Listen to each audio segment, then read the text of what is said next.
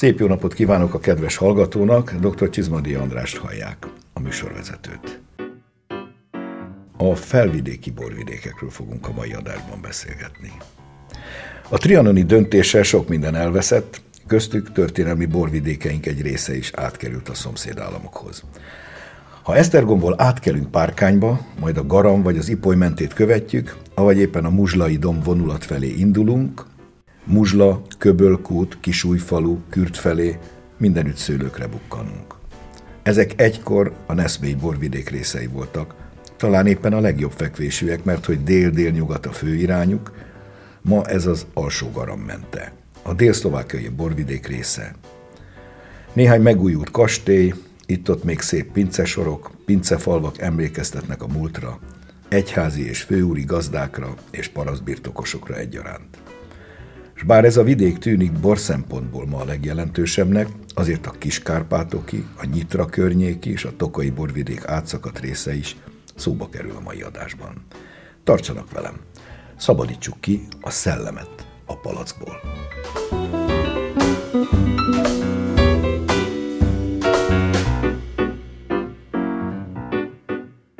Bemutatom szakértő vendégünket, Göncöl Attillát, aki maga is helyi borász, borszakíró, sőt nemzetközi borbiráló is egy személyben, és ráadásul a helyi borügyek avatott ismerője és előremozdítója.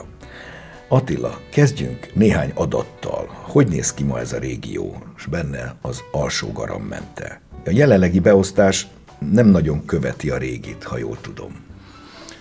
Így van, üdvözlöm én is a hallgatókat.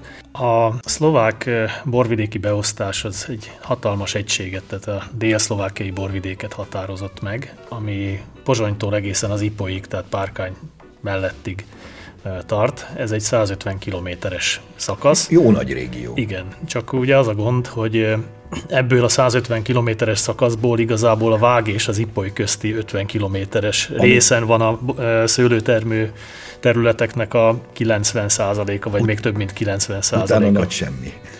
Hát ugye Csalóköz az nem a, a nem jellemző. bortermelésről volt sosem híres, az egy sík vidék,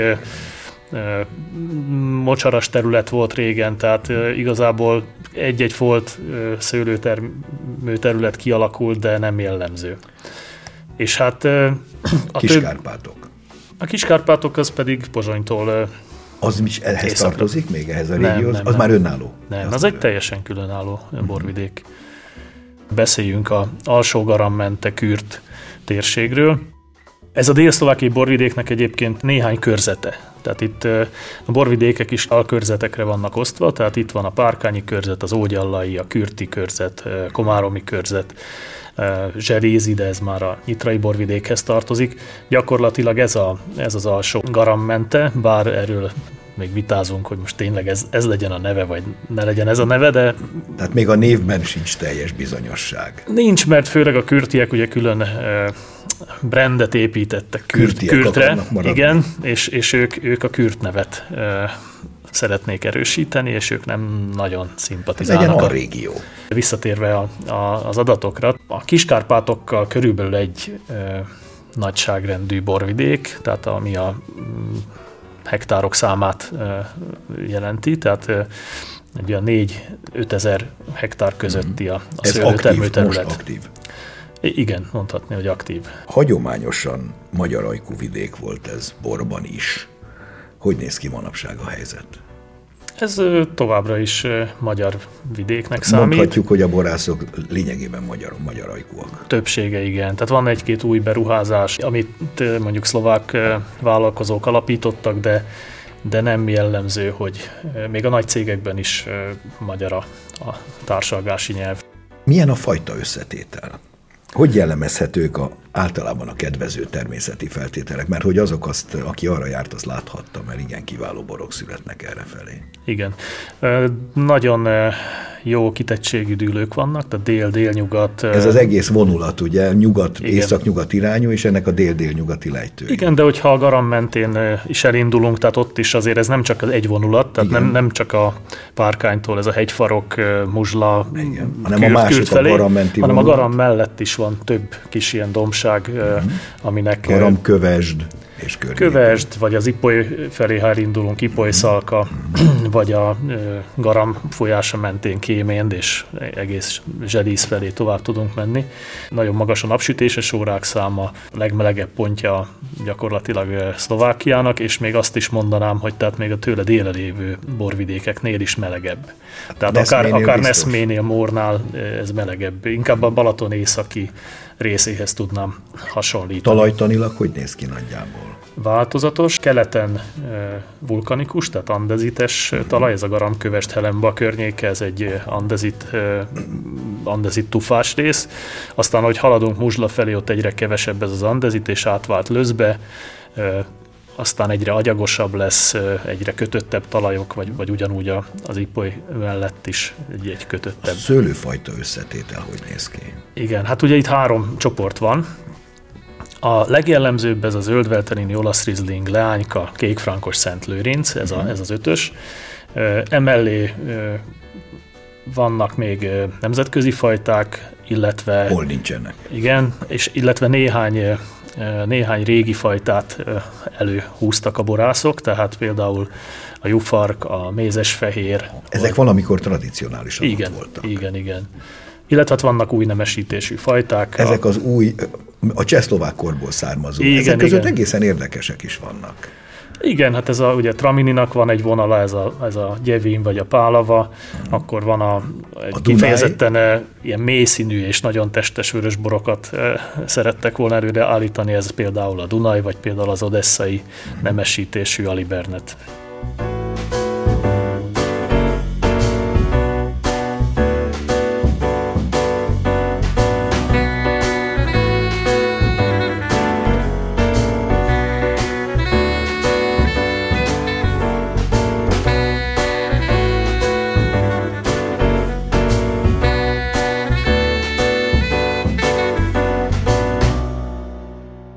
Hallgassuk meg Kasnyik Tamás Kürti Borászt, akivel Királyhegyi Zsuzsanna beszélgetett.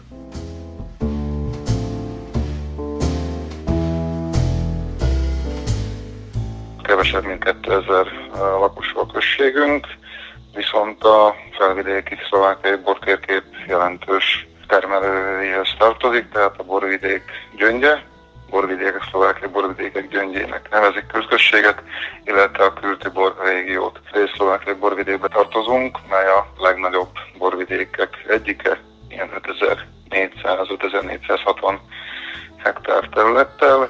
A borvidékben 8 borrégió tartozik és 116 bor falu, Párkántól, Muzslától kezdődve udvart községig húzódik, itt vagyunk, itt élünk, kis pincészetünk, ugye egy kis családi birtok, amely mai formájában 2004-ben valakult, de a öcsémmel kezdtünk borászkodni. A kezdés az inkább folytatás volt, hisz szülőktől vettük át a szőlőterületeket, azt a tudást, erős alapot bízok benne, kitartást is a szülők adták át annak idején. És Isten igazából én azt akarom mondani, 2008-ban volt egy, egy nagy fordulat a pince életében, mikor is talán először tudatosítottuk azt, hogy a, hogy a boron keresztül mit is kéne megmutatni, mi is az a legnagyobb értékközségünkbe, pincészetünkbe, amit, amit be kéne mutatni. És mi lenne az, amit meg kéne mutatni? Hát 2006-tól 2008-ig a világ legjobb borát akartuk nagyon nagy egyszerűséggel elkészíteni. Ugye azt gondoltuk, hogy a világ legjobb borát azt úgy kell elkészíteni, hogy igénybe veszünk meg annyi technológiai segítséget, segédanyagokat, és 2008-ban volt az, amikor rádöbbetünk arra, hogy igazából semmi más nem hiányzik az életünkből, csak a kültibor, igazi kültibor keresése, megízlelése, és ennek függvényében 2008-tól a pince visszatért. Hagyományos borkészítési eljárásokhoz, átértünk az ökológiai növényvédelemhez, és a pincészet jelen pillanatban az úgynevezett autentista szabályzat szerint működik. Mik azok a borkészítési eljárások, amelyet lehet alkalmazni így naturborkészítéskor? Hát ugye a naturborkészítés alapszabálya, hogy natúr természetes szőlőt hozunk be, ugyanis a naturborkészítés elsőleges célja az, hogy tiszta borok kerüljenek a pohárba, úgy ízileg, mint beltartalmilag. Tehát a természetes szőlő termelés ez nem egy egyszerű folyamat, sokkal egyszerűbb, mint ahogy sokan gondolják, akik nem bíznak benne. És a pincébe, hogyha nagyon-nagyon sarkítani szeretnénk és leegyszerűsíteni, mit is takar a az autentista borkészítés, akkor talán úgy mondanám el, hogy az adott évjáratban semmit nem tenni a borhoz, szőlőhöz, illetve abból semmit nem venni el.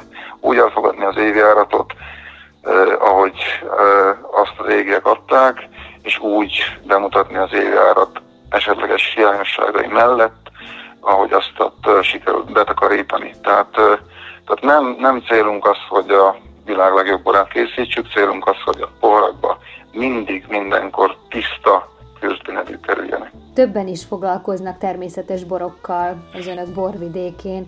Mi az, amiben az önöké különleges? Azt tudok mondani, hogy a borásznak hatalmas feladata van, hisz ha kitölt egy pohár bort a bárkinek, vendégeknek, családba, barátoknak, akkor az hatalmas felelősség jár, mi is van abban a pohárba. Tehát lehet, hogy icivel, picivel többen gondoljuk azt, hogy ez a, ez a helyes út a régióba, és ha borvidékre tekintünk, ugye az adottságok, akkor ugye hasonlíthatjuk a meglévő hat borvidékünkhez képest is. Talán picivel, és uh, Isten ments, hogy lenézek bármelyik, bármilyen más borvidéket, talán icipicivel jobbak az adottságok a régióban. Tehát megvannak azok az adottságok, melyek ahhoz kellenek, hogy minőségi szőlőt tudjunk betakarítani, és megfelelő hittel talán több borász gondolja úgy, hogy ezt csak megőrizni kell, nem pedig átalakítani.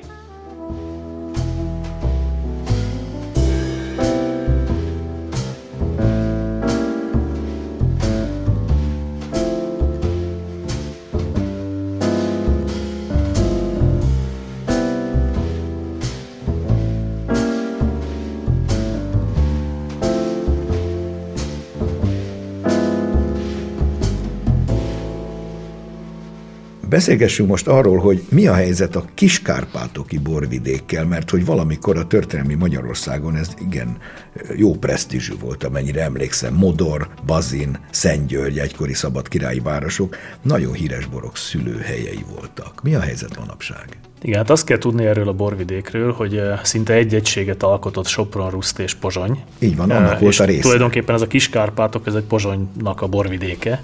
Rögtön ott van a város fölött. Igen, igen. Tulajdonképpen Pozsonyba kezdődik már Récse, Récse az már uh, része ennek a borvidéknek, aztán Szentgyörgy, eh, Bazin, Modor. Nagyon rányomta bélyegét ezekre, erre a borvidékre a lakosságcsere. Uh-huh vagy kitelepítések inkább. Tehát ennek a borvidéknek az eredeti lakossága, aki igazából a, a borászatot felfejlesztette, német ajkú volt. Mm. Mint a Soproni borvidék jelentős igen, része. Igen, igen. Valamennyi magyarral, valamennyi szláv elemmel, de alapvetően német, német ajkúak voltak. Ugye ez a lakosság eltűnt, kitalapítették, erüldözték őket. Még a csehszlovák korban. Igen, igen. Hát második világháború után elsősorban. És Hát ugye átvették, elsősorban a szlovákok betelepültek, vagy a helyiek nyelvet váltottak, és most már nem nagyon lehet más szót hallani. Egy-két magyar vállalkozó van, de alapvetően szlovák borvidékké vált. És hát és a ez a meg... presztis borvidéke tulajdonképpen Szlovákiának. Tehát ide, Ma is úgy tekintik? Úgy tekintenek rá. Ide ment a legtöbb támogatás, uh-huh. legnagyobb beruházások. Itt vannak a leg fejlettebb cégek, leg, legjobb technológiával rendelkező cégek egészen nagy szombatig. És a borok hozzák is ezt a, ennek megfelelő magas színvonalat? Hát alapvetően ez a reduktív vonal, ami, ami egy hogy mi abszolút a technológiára épül, bár ismerek ott néhány olyan termelőt, aki már, már naturboros, vagy, vagy, vagy kézműves borászkodást folytat, pesgőt készít, stb. Tehát ott is, ott is van egy, egy változás, de alapvetően a nagy cégek azok ezt a reduktív vonalat követik. Nyitra környékén is van ott még valamennyi szőlő vagy borászkodás. Mi a helyzet arra felé? Hát Nyitrán volt a legnagyobb borkombinát gyakorlatilag, és... Már nincs? Működik még, de hát ott van egy-két nagy cég, és és hát a déli, délebbi területeken van egy-két rész, ami, ami részben magyar, részben szlovák, tehát például a Léva környéke is Nyitrai borvidékhez tartozik, sőt a Garammente is Zselíztől igazából csata a határ, tehát csatától északra, az már, északra, az, nyitra az már nyitra, nyitrai borvidékhez tartozik. Ott nagyon jó részek vannak még, garammenti szőlők. Egy kicsit elhanyagolt rész, elhanyagoltabb, mint mondjuk a Kiskárpátok, vagy akár délebbi részek, de egy-egy foltban nagyon, nagyon szép borokat lehet azért találni, egy-egy, egy-egy faluba, egy-egy kisebb közösség eh, alakult. Beszéljünk most arról, hogy megkerülhetetlen Tokaj. Ugye Tokaj a világ első körülhatárolt zárt borvidéke, a mindig körültekintő, ugye ezt kicsit gunyosan mondom, trianoni diktátum éppen csak egy kicsit lecsípett Tokajból, és az akkor alakuló Csehszlovákiának átadott három községet, amik kétségtelenül a történelmi Tokai borvidék részei voltak, és ezzel az átadással aztán hosszú viták gyökerét ültette el. Ez egy jó apropó volt arra, hogy lehessen miről vitatkozni. Igazából szerintem egy egységes szabályozásban meg kellett volna állapodni, ami aztán eh, a 2000-es évek eh, elején meg is történt. és Hosszas tárgyalások folytak az ügyben. Igen, igen, aztán volt egy, egy magyar miniszter, aki megállapodott, akkor kormányváltás volt, akkor azt az egészet megpróbálták visszavonni, de, de az a lényeg, hogy egy kicsit lenyugodott úgy gondolom ez a vita, annyi negatív eredménye biztosan van, hogy a, ugye Magyarországról érkező eh, negatív kritika, negatív hullám az ottani magyar eh, borászok egy részét eh, eltolta a szlovák irányba, tehát Igen? ők hát nehezményezték azt, hogy ővelük senki nem foglalkozik, ő érdekeiket senki nem védi, egyedül a szlovák állam, ezért, ezért elindultak egy olyan irányba. Van Pedig ott is... mondhatjuk azt, hogy ott lényegében az átszakadt részen is magyar borászatok voltak jellemzőek, gondolom meg. Igen, ezek magyar falvak, tehát többségében magyar, magyar falvak. Igen, tehát itt a szőlőmunkások magyarok. Nevesítsük a... ezt a három falut. Hát Kis Toronya, Nagy Toronya és Szőlőske. És Szőlőske. Igen.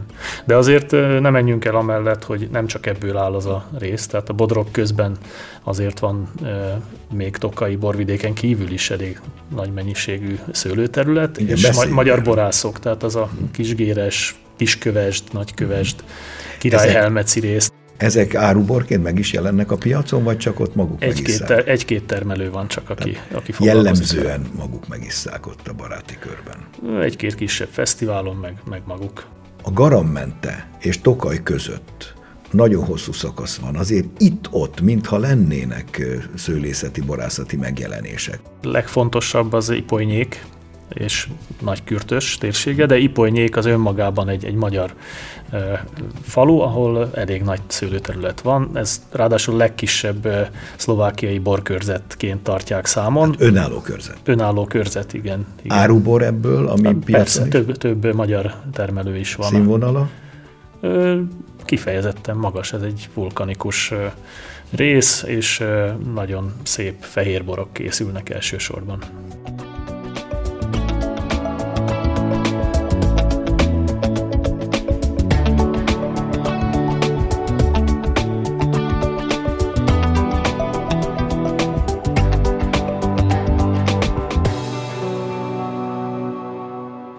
Következő percekben Mátyás András kisújfalusi borász beszélget Királyhegyi Zsuzsannával.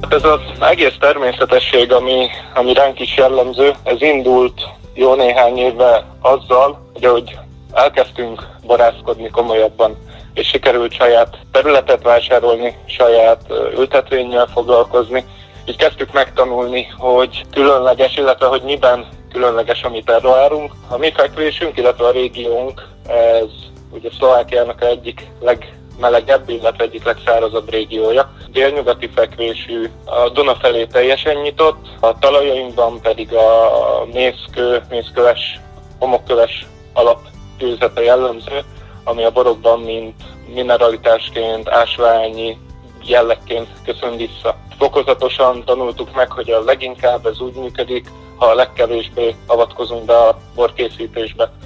És így folyamatosan eljutottunk a mai szintünkre, ami abból áll, hogy igazából se szűrés, semmiféle adalékanyag nem kerül a borkészítéskor hozzáadása, az egyedüli egy nagyon minimális kén, amit közvetlenül palackozás előtt teszünk hozzá. Mostani évjáratunkban már ez sem minden esetben kerül alkalmazásra. Amire nagyon oda kell figyelni, amit megtanultunk, az a szüreti időpont. Természetes bort készíteni maradék cukorral az szinte lehetetlen, és nekünk nagyon sokáig ez volt a, az a tényező, ami, ami hátráltatott például a szűrés elhagyásában, illetve a kényszintek csökkentésében. Ezért nagyon oda kell figyelni, hogy, a, hogy az érettségnek a legelején születeljük a szőlőt, amikor még alacsonyabbak, illetve optimálisak a cukorfokok, még a savak ott vannak, tehát nem égtek el a savak a szőlőben, illetve a musnak a pH szintje se ment túlságosan föl.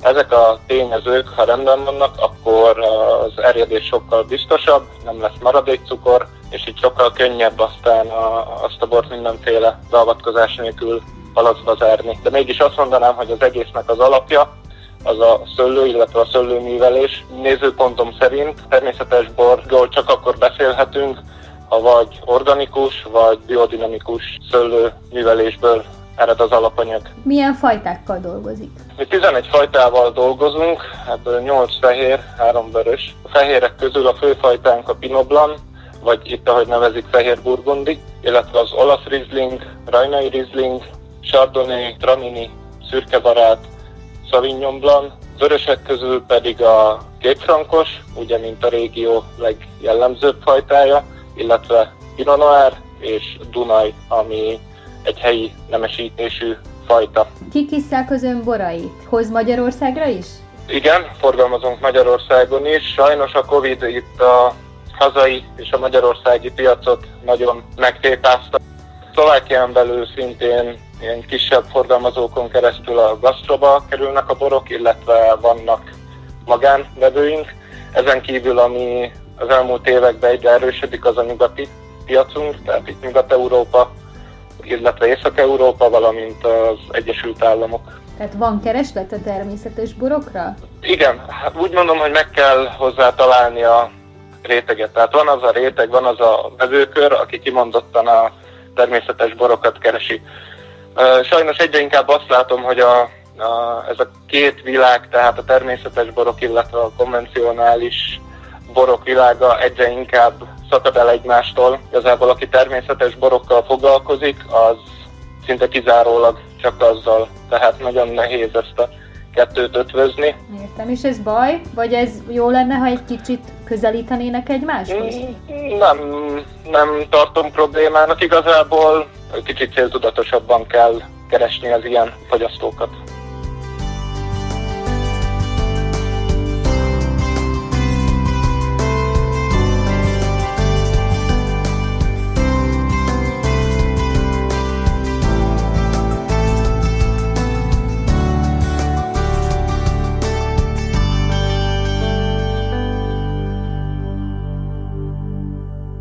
Amit hallhattuk ezen a vidéken, elég sok a naturborászat. Ez általános tendenciának mondható? Netán úgy tekintenek a helyi borászok rá, mint egyfajta kitörési pontra, vagy csupán a meggyőződés vezeti őket? Mivel nagyon eh, kis pincészetek vannak ezen a borvidéken, és eh, ugye kevés a lehetőség támogatásra, tehát mindenképp kitörési pontokat keresünk, és az egyik ilyen a naturbor másik ugye kézműves borok, egyes különleges termékek, amik nagyon sok odafigyelést igényelnek, emberi jelenlétet, és, és a naturbor az abszolút beleillik szerintem ebbe a képbe. Értem, meggyőződés is vezeti azért őket, ahogy hallhattuk, úgy tűnik, hogy itt azért némileg a meggyőződés is szerepet játszik. Igen, hát ez, ez kialakult, ez a 2000-es évek közepén, második felében indult, és és hát gyakorlatilag abszolút ez a természetközeliség, a, a, a bioművelése a szőlőknek, ez, ez, ez egyre szélesebb körben terjed. Látszódik-e, vagy van-e bármiféle összefogás az itteni borászok között, ami elősegítheti a közös ügyet? Vagy esetleg mik a neuralgikus pontok? Azt tudni kell, hogy Szlovákiában nincsenek hegyközségek, a borvidékeknek nincs vezetősége, vagy, vagy egy olyan testülete, ami irányítaná a borvidék működését. Tehát önszerveződni. Igen, ezért abszolút önszerveződések indultak. Egy-egy polgári társulás, nálunk így hívják az egyesületeket, Többek között megalapítottuk a szlovákiai magyar borászok polgári társulását. A tagok nagy része erről a borvidékről származik, és hát évek óta rendszeres összejöveteleken próbáljuk megbeszélni a borvidék ügyeit, és egyáltalán, hogy hogyan hívjuk, hogyan nevezzük ezt a borvidéket, mert a dél-szlovákiai borvidék fogalom az nem igen népszerű a köreinkben. Értem. Egyéb sikereket sikerült már elérni ezáltal? Elsősorban rendezvények, meg az, hogy, hogy egy kicsit próbáljuk harmonizálni a programokat, közös megjelenéseink voltak. Borfesztiválok is. Borfesztiválok, nem csak, nem csak úgy, tehát például a múlt héten volt egy, egy olyan rendezvény, ahol tíz borász jelent meg, akiket úgy legjobbnak tartunk a borvidéken, és egy kóstolót tartottunk. Megköszönöm Göncöl Attilának a szíves közreműködést a mai műsorban. Én is köszönöm a meghívást, és a hallgatókat szeretettel várom az innen alig 60-70 kilométerre található borvidékünkre.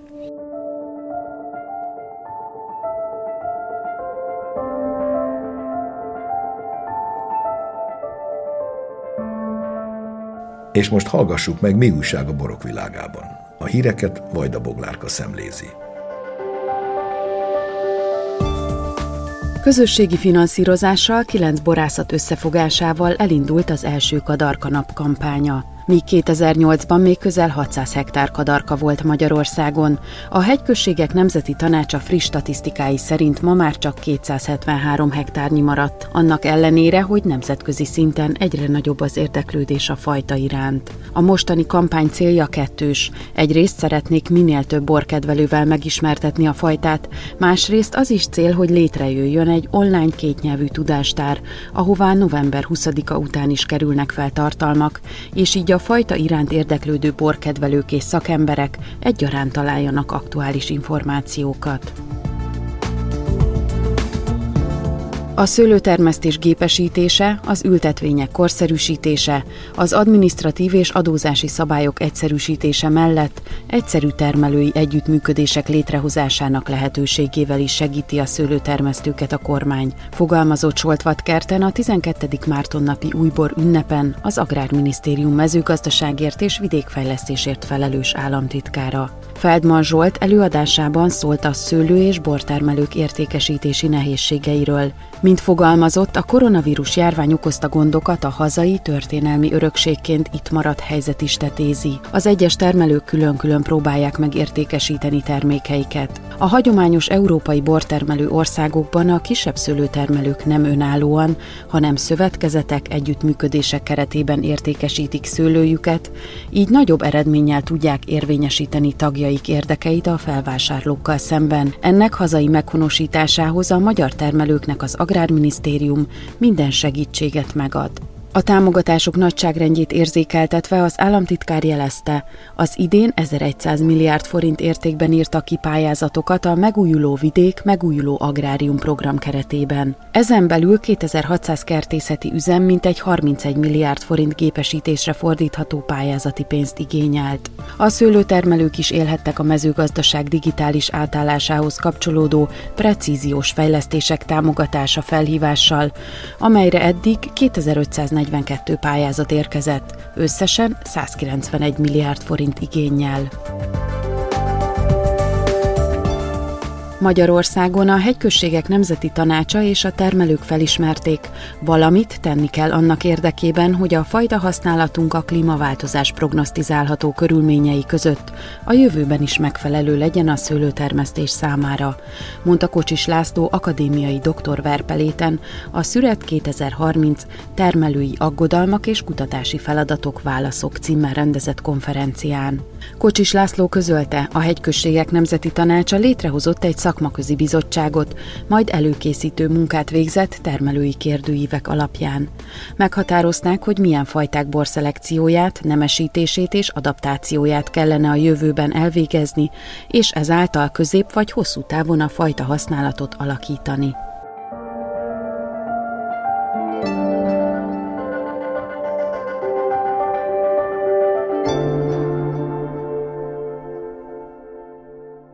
Elköszönök a kedves hallgatóktól, a mai műsorunk véget ért. A hangmérnök Kissik Petra nevében is megköszönöm figyelmüket, szép napot, jó borokat kívánok. Dr. Csizmadia Andrást hallották. Mai adásunkat a mediaclick.hu honlapon hallgathatják meg újra.